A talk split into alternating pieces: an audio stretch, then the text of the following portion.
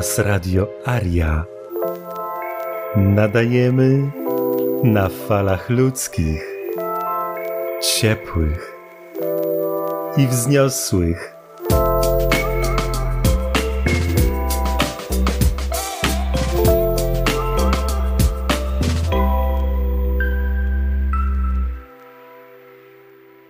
Rozdział ósmy.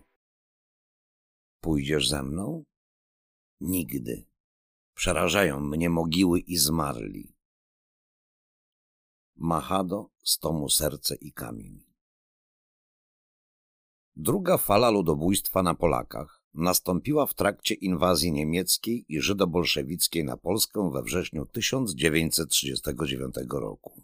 Kiedy to setki tysięcy żołnierzy polskich cofały się na wschód, a po 17 września znienacka uderzyły na Polskę hordy żydobolszewików. Przystąpiły one do masowych egzekucji polskich żołnierzy, podczas gdy selekcja, w cudzysłowie selekcja, kadry oficerskiej odbywała się nieco później. Jedną z nieznanych zbrodni w ramach tego ludobójczego cyklu była rzeź około dwóch tysięcy żołnierzy i oficerów w okolicach Kostopola. Udokumentował tę zbrodnię historyk Jerzy Pelec-Piastowski w pierwszym dziesięcioleciu powojennej okupacji Polski, członek tajnej organizacji młodzieżowej. Sądzony za to i skazany. Przekazał on autorowi maszynopis swoich ustaleń opartych na relacji ocalonego z tej rzezi Jerzego Lamińskiego. Oto jego relacja opublikowana w mojej książce Rządy Zbirów, wydanej w 1997 roku w wydawnictwie Retro. Strona 56-57. Skrót. Batalion kolejowy saperów, dowodzony przez majora Rogowskiego, w którym służył Zaręba, bombardowany z powietrza i ostrzeliwany przez Niemców cofał się na wschód. Ze Śląska poprzez Kraków, Rozwadów, Lublin, Kowel dotarł do Sarn. Wjeżdżając na ostatnią na wschodniej ścianie kraju linię kolejową północ-południe. Na tej dwutorowej linii nastąpiła niesamowita koncentracja i zator transportów. Jeńców umieszczono na polanie wzdłuż torów. Ciągle napływali nowi. Dołączono wielu policjantów. Jeńców było już nie mniej niż dwa tysiące. Po trzech dobach sformowano z nich czwórkową kolumnę, której końca nie było widać. Na czele maszerowali oficerowie, około dwustu, za nimi policja państwowa, około pięćdziesięciu ludzi. Konwojowali żołnierze sowieccy. Kolumna zmierzała do Kostopola, oddalonego o kilkanaście kilometrów. Trwało to prawie dwa dni. Zatrzymano jeńców w kościele i na placu kościelnym, kiedy nagle kolumna została poderwana do marszu w kierunku Ludwipola. Cytat. Gdy kolumna szła przez miasteczko, relacjonuje Zaręba, miejscowi Żydzi pluli na żołnierzy polskich, wyzywali ich najbardziej plugawymi słowami, rzucali w nich kamieniami. Potem zaczęło się coś, czego świadek nie potrafił wówczas pojąć, a co później ułożyło się w ponurą całość. Jeńców zaczęto gwałtownie popędzać strzałami w górę, a także biciem. Jakby chodziło o osiągnięcie ustalonego miejsca w konkretnym czasie. Tych, którzy nie mogli pośpieszyć, a chwilami nawet biec, trzech czy czterech, co się wzajemnie podtrzymywali, Ruscy zaczęli tłuc kolbami. Jeden z oficerów był ranny, nie mógł iść i leżał więc go okładali kolbami. Jednocześnie krasnoarmiejcy zaczęli nawoływać do ucieczki. Wręcz nakazali ucieczkę. Ale nikt do tego się nie kwapił. Jeńcy uznali to za prowokację. Wkrótce osiągnięto zamierzone przez nich miejsce trzy kilometry od Kostopola, na szosie prowadzącej z Ludwipola i granicy sowieckiej.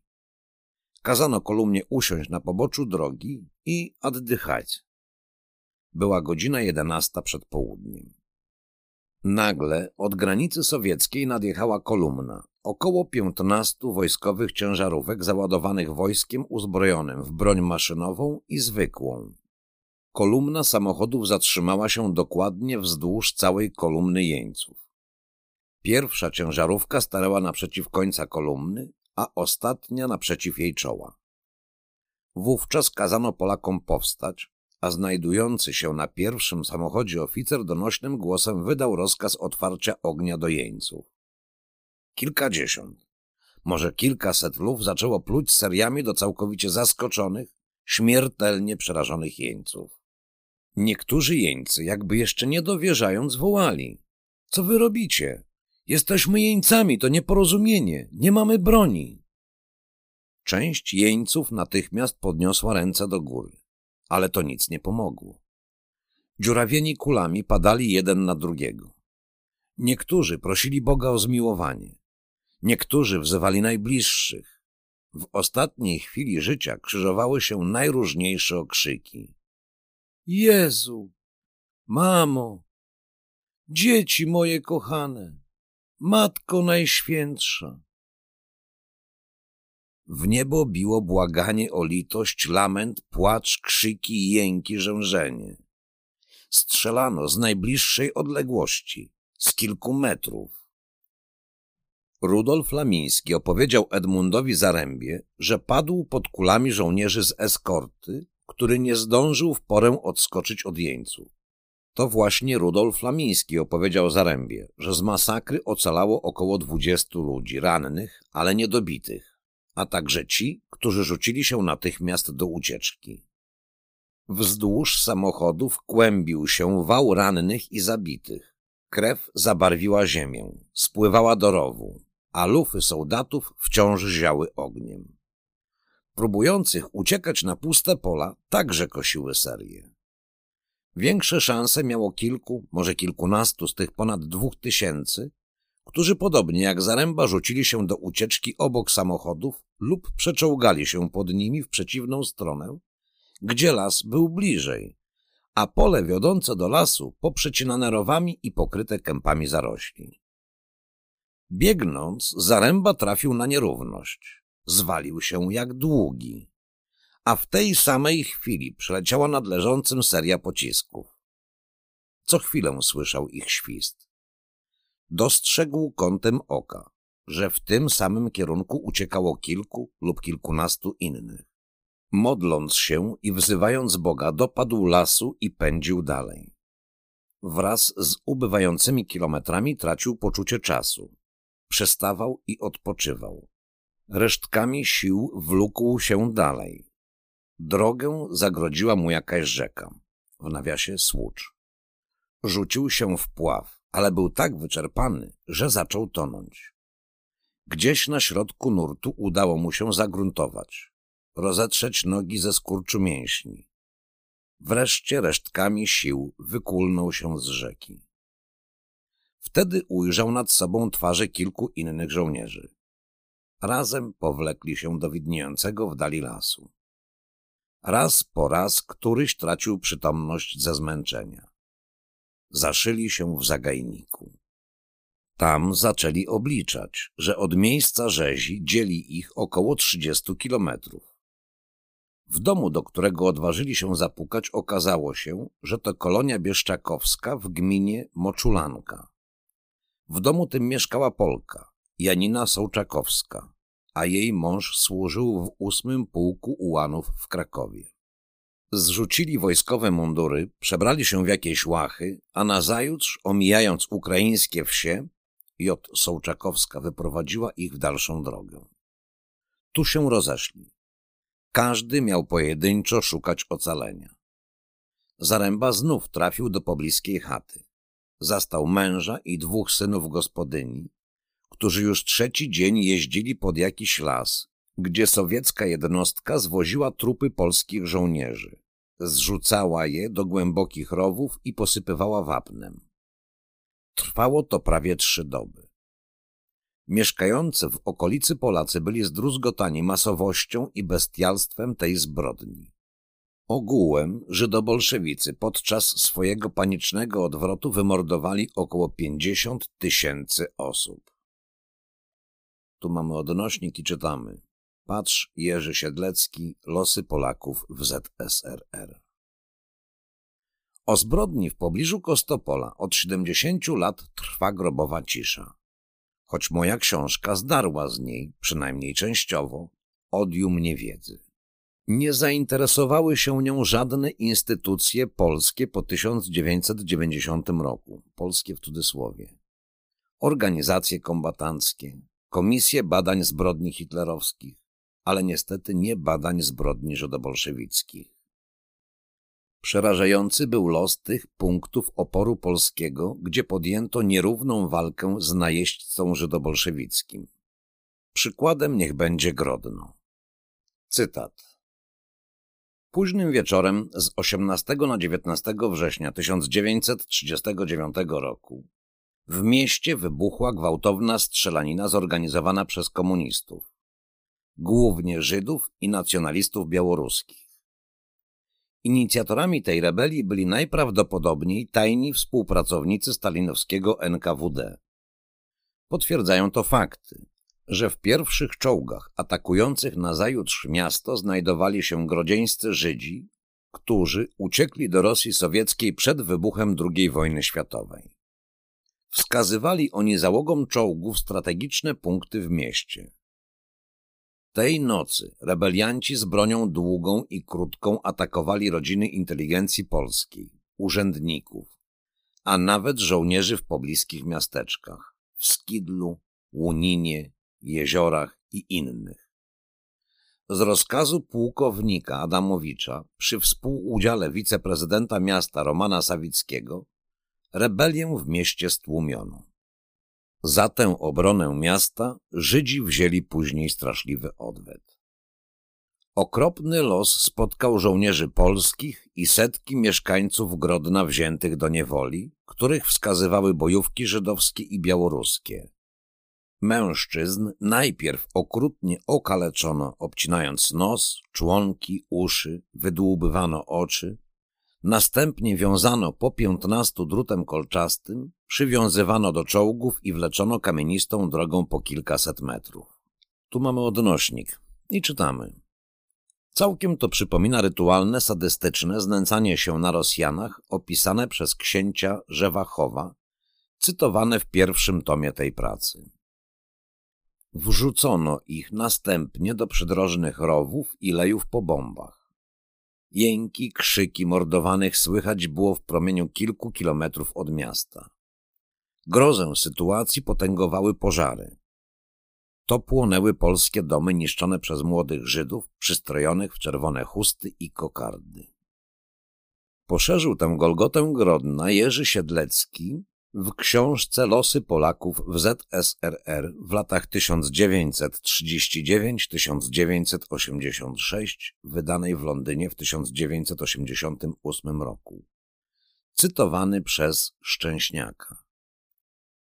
Terror i rzezie przyjęły większe rozmiary w Grodnie, gdzie wymordowano także 130 uczniów i podchorążych, dobijano rannych i obrońców. Dwunastoletniego Tadzika Jasińskiego przywiązano do czołgu i ciągnięto po bruku. Rozstrzeliwano aresztowanych na tzw. Tak Psiej Górze i w Lasku Sekret. Na placu przed farą leżał wał zamordowanych. Wielu uczniów gimnazjum kupieckiego zostało i wielu znalazło się w więzieniach. Ciężko ranni ukrywali się w mieście. Terror objął cały powiat grodzieński i dalsze okolice. Uczestniczyli komuniści i żydowscy. Nie sposób opisać dalszych wypadków eliminacji inteligencji polskiej, elementów patriotycznych, a w szczególności młodzieży szkolnej. Cytat. W tym pochodzie, tak bardzo smutnym, była jakaś straszna, dogłębna tragedia pokonanej armii. Pod lokalem kółka rolniczego dopełniła się czara ich goryczy, gdy z budynku polskiej policji państwowej wyszła grupa młodych Żydów i jedna Żydówka. Wszyscy ubrani w polskie płaszcze wojskowe, z odciętymi naramiennikami i z czerwonymi opaskami na rękawach, znakami nowej władzy. Już z odległości szydzili i ubliżali polskim oficerom krzycząc — Wy polskie świnie! Chcieliście Polski od morza do morza, a teraz nie ma nawet od rzeki do rzeki. Skończyło się wasze panowanie. Zdejmować te koguty z czapek. pierwszy otrzymał uderzenie w głowę generał. Jego rogatywka z wężykiem generalskim potoczyła się w błoto.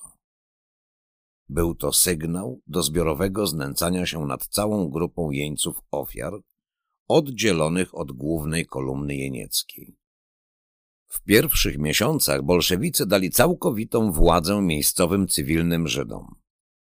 Przychodzili Żydzi do nas do wsi jako milicjanci czy NKWD i tak mówili do nas młodych. Ty chodził bić się za panów. Ja ciebie, Job, twoją mać, dam twoja Polska.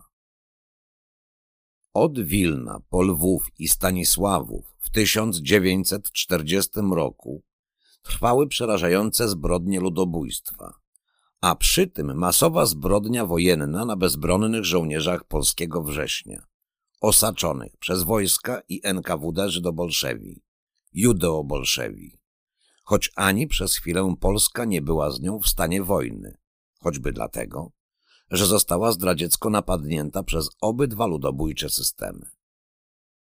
Oto rozmiar tego ludobójstwa. Nocą 8 lutego 1940 roku z Lwowa i okolic wywieziono 220 tysięcy Polaków. Z premedytacją wybrano noc z 40-stopniowym mrozem.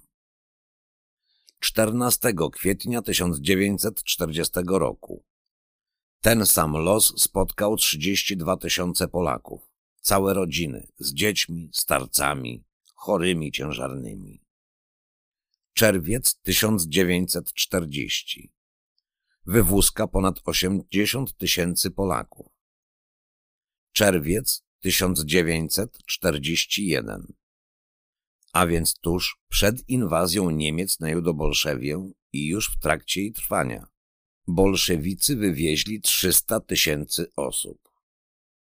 Łącznie w wywózkach do Łagrów i innych miejsc przeznaczenia od zimy 1940 roku do czerwca 1941 roku Żydo-bolszewicy wywieźli na Syberię i do Kazachstanu ponad milion dwieście tysięcy osób. Stanisław Kalbarczyk w wykazie łagrów sowieckich Warszawa, wydanie 1993, szacował skutki czerwcowej ewakuacji, w cudzysłowie ewakuacji, polskich więźniów na 50 do 100 tysięcy ofiar. Podaje na przykład, że w Łódzku z około 2 tysięcy więźniów przeżyło tylko 90.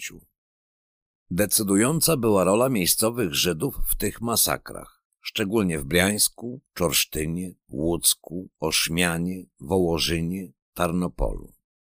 Szczególnie sadystyczne okrucieństwo Żydzi zastosowali wobec jeńców w Berezweczu. Nakaz ewakuacji więźniów na wschód Beria wydał 22 czerwca. Lecz 24 czerwca zdał sobie sprawę z niewykonalności tego rozkazu. Wydał więc rozkaz rozstrzelania na miejscu wszystkich więźniów ze wszystkich więzień. Szacuje się, że w czasie ewakuacji zamordowano około 10 tysięcy więźniów. Oto opis skaźni Polaków z miejscowości Białozurka w pobliżu Krzemieńca. Cytat. Część ciał nie posiadała kończyn, uszu, języka. Wszystko wskazywało na to, że przed śmiercią byli okrutnie torturowani. Według relacji świadka mordu dokonało NKWD przy udziale żydowskiej bojówki. Więźniów, których nie zdążono zamordować, podobno około dwa tysiące, pędzono na wschód.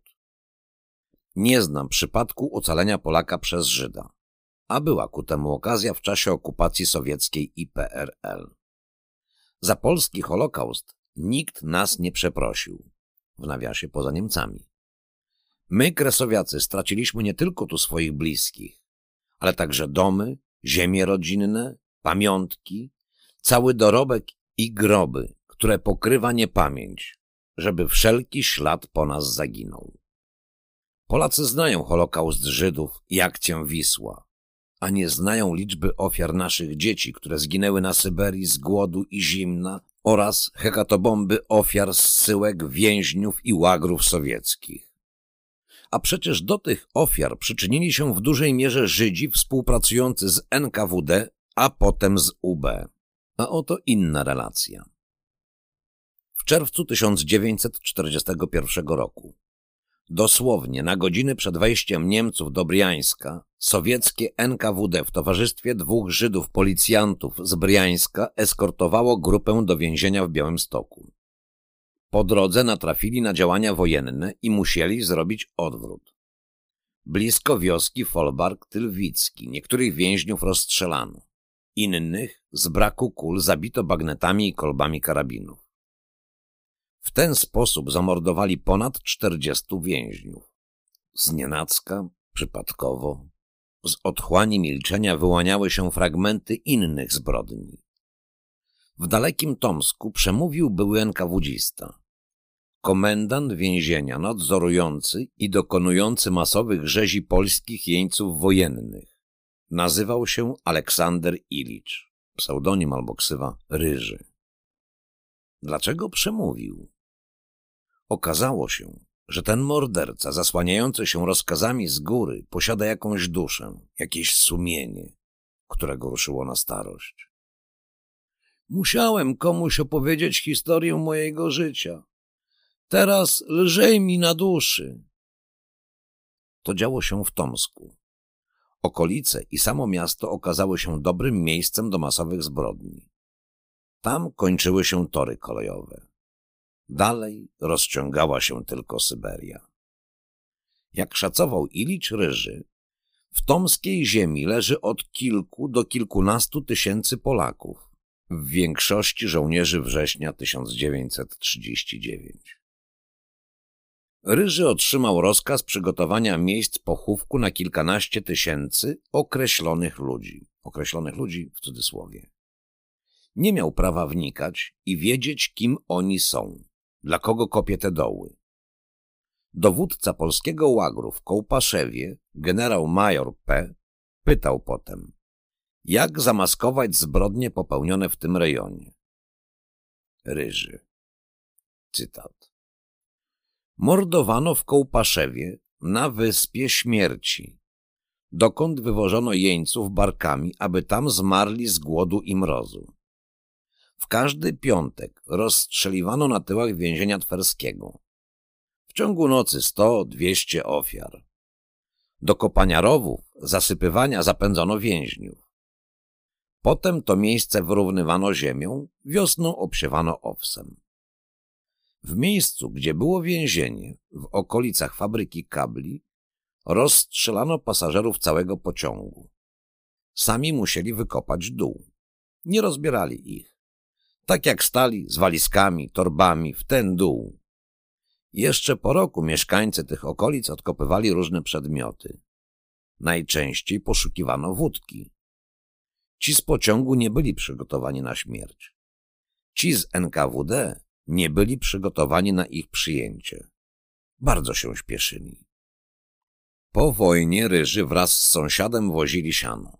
Sąsiad opowiadał Ryżemu, jak przed wojną, to znaczy przed czerwcem 1941 roku, w tamtym miejscu nazbierał miedzianych guzików. To były polskie przedwojenne guziki. W ZSRR takich nie było. Sąsiad chwalił się potem, że sprzedał je i nieźle zarobił. Dziś on już o tym nie opowie. Zmarł w 1960 roku. Dowody? Jakie dowody? Tam trzeba kopać i wtedy okaże się, że to jedna niewyobrażalnie wielka mogiła.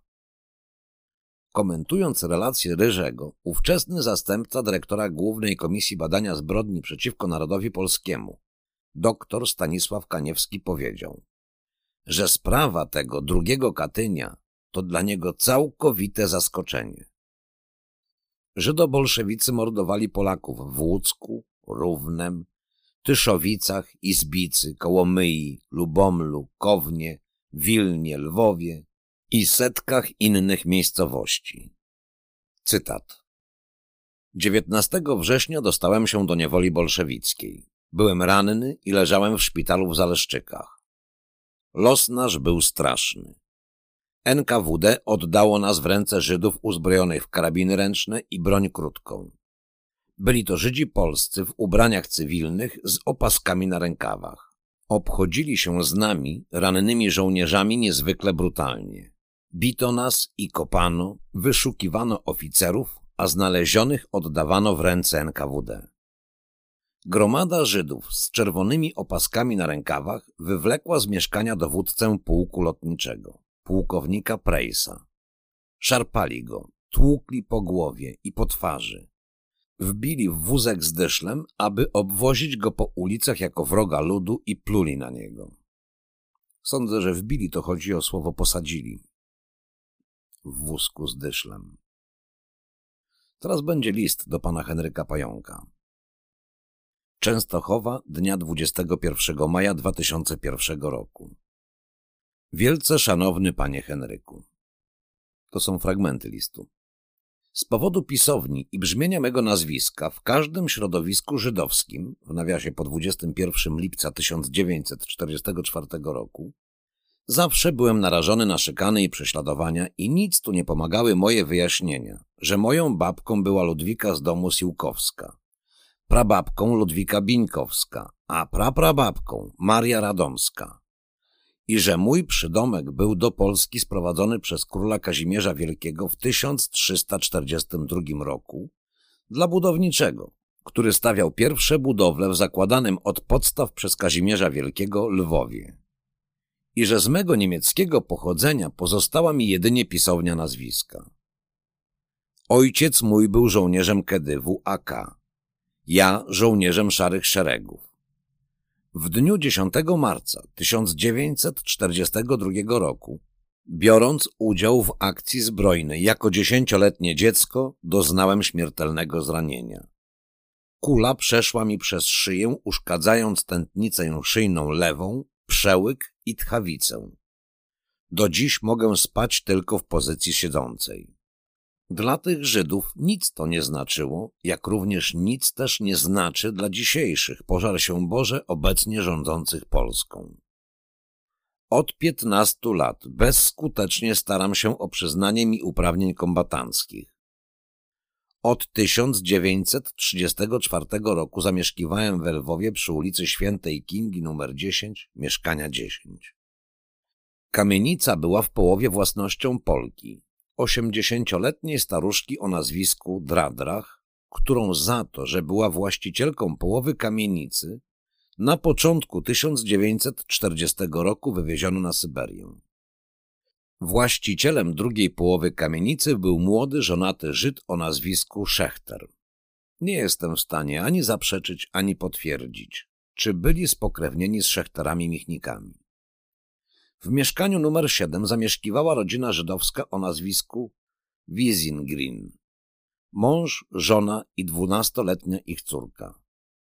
Jeszcze przed wojną rozrzucali oni po klatce schodowej ulotki komunistyczne, więc działali w siatce tej agenturalnej partii.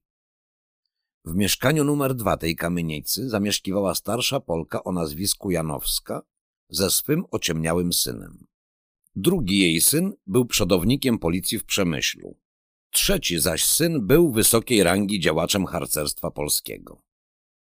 10 września 1939 roku przodownik policji Janowski wraz z całą swoją rodziną ewakuował się do Lwowa i zamieszkał u matki. Niebawem z Warszawy wraz z rodziną przyjechał drugi syn, działacz harcerstwa. Jednak po wkroczeniu wojsk sowieckich do Lwowa obaj synowie wraz z rodzinami wyjechali z Lwowa w nieznanym kierunku. Już w ostatnich dniach września 1939 roku Wizingrinowa zaczęła wypytywać sąsiadów, w tym i moją matkę, gdzie są teraz ten policjant, jak mówiła, i ten głupi harcerz. Z zemsty za brak informacji zaczęła szantażować lokatorów Polaków. Na klatce schodowej wykrzykiwała do mojej matki. Nu, już wasza kurwa Polska znowu sto lat leży w grobie. Gdy Niemcy wysiedlali ludność żydowską do getta, ta sama podła osoba przyszła do nas z propozycją wzięcia na przechowanie jej córki. Nikt z kamienicy nie przyjął jej córki. Właściciel kamienicy Szechter wraz ze swym bratem i matką mieli przed wojną duży sklep spożywczy. Po wkroczeniu 22 września 1939 roku Sowieciarzy do Lwowa rozpoczął on pracę w NKWD. Jego służąca, młoda Żydówka o imieniu Tinka, w tym czasie przychodziła do nas i opowiadała, że jej pan przychodzi z pracy często w pokrwawionej koszuli. Przekonywała nas, że jej pan morduje więźniów politycznych w więzieniach lwowskich. Tak cała rodzina Wisingrinów, jak i Szechterów nie przeżyła okupacji niemieckiej. Natomiast służąca Szechterów Tinka przeżyła i odwiedziła nas w 1945 roku. W ten sposób sprawiedliwości stało się zadość. Uzupełniając moje wypowiedzi, pragnę dodać, że mój stryj Stanisław Szulc, urodzony w Lwowie dnia 19 kwietnia 1910 roku, z powodu złego stanu zdrowia został zwolniony z obowiązku służby wojskowej. Jesienią 1940 roku sąsiadka Żydówka doniosła do NKWD, że Stanisław Szulc jest ukrywającym się oficerem polskim. Stryja mojego wywieziono na daleki wschód ZSRR, gdzie był przymusowo zatrudniony przy budowie trasy kolejowej do Władywostoku. Jedyną wiadomość od Stanisława Szulca otrzymała jego matka Ludwika Szulc z domu Siłkowska w lutym 1941 roku. Po wojnie Stanisław Szulc nie dał żadnego znaku życia. Próby wyjaśnienia jego losu nie dały żadnego rezultatu. Sowiecki Czerwony Krzyż nie jest w stanie udzielić na temat mojego stryja żadnych informacji. Donosy do NKWD kierowane na Polaków były w tym czasie praktykowane przez Żydów nagminnie. Uważam, że 80% Polaków zostało deportowanych na Syberię na skutek donosów żydowskich. Poszukiwania mego stryja Stanisława Szulca zaraz po zakończeniu wojny wszczęła jego siostra Anna Moczarska z domu Szulc, następnie czynił poszukiwania mój ojciec Edward Szulc. Po ich śmierci poszukiwania ja rozpocząłem. Wszyscy zawsze napotykaliśmy na mur milczenia. W dniu 9 grudnia 1998 roku skierowałem kolejne pismo do PCK, Zarządu Głównego Biura Informacji i Poszukiwań. I o dziwo, w dniu 31 grudnia 1999 roku otrzymałem wreszcie odpowiedź, która wyjaśniła tragiczny w skutkach kłamliwy donos nikczemnej Żydówki. Stryj mój, Stanisław Szulc, po rocznym pobycie w łagrze sowieckim na Dalekim Wschodzie, nieludzkiej ziemi, nie nadawał się do życia. Zmarł w wieku 32 lat już jako żołnierz, w nawiasie strzelec, armii generała Andersa i swoje katorżne kości musiał w tak młodym wieku złożyć na mahometańskiej ziemi w Teheranie. Jak z powyższego wynika, poszukiwania Stanisława Szulca czyniły dwa pokolenia rodziny Szulców przez pełny okres 54 lat. Od roku 1945 do 31 grudnia 1999 roku. Z wyrazami szczerego uznania i szacunku Zbigniew Szulc. Koniec rozdziału. Następny rozdział dziewiąty zatytułowany jest Trzecia fala ludobójstwa.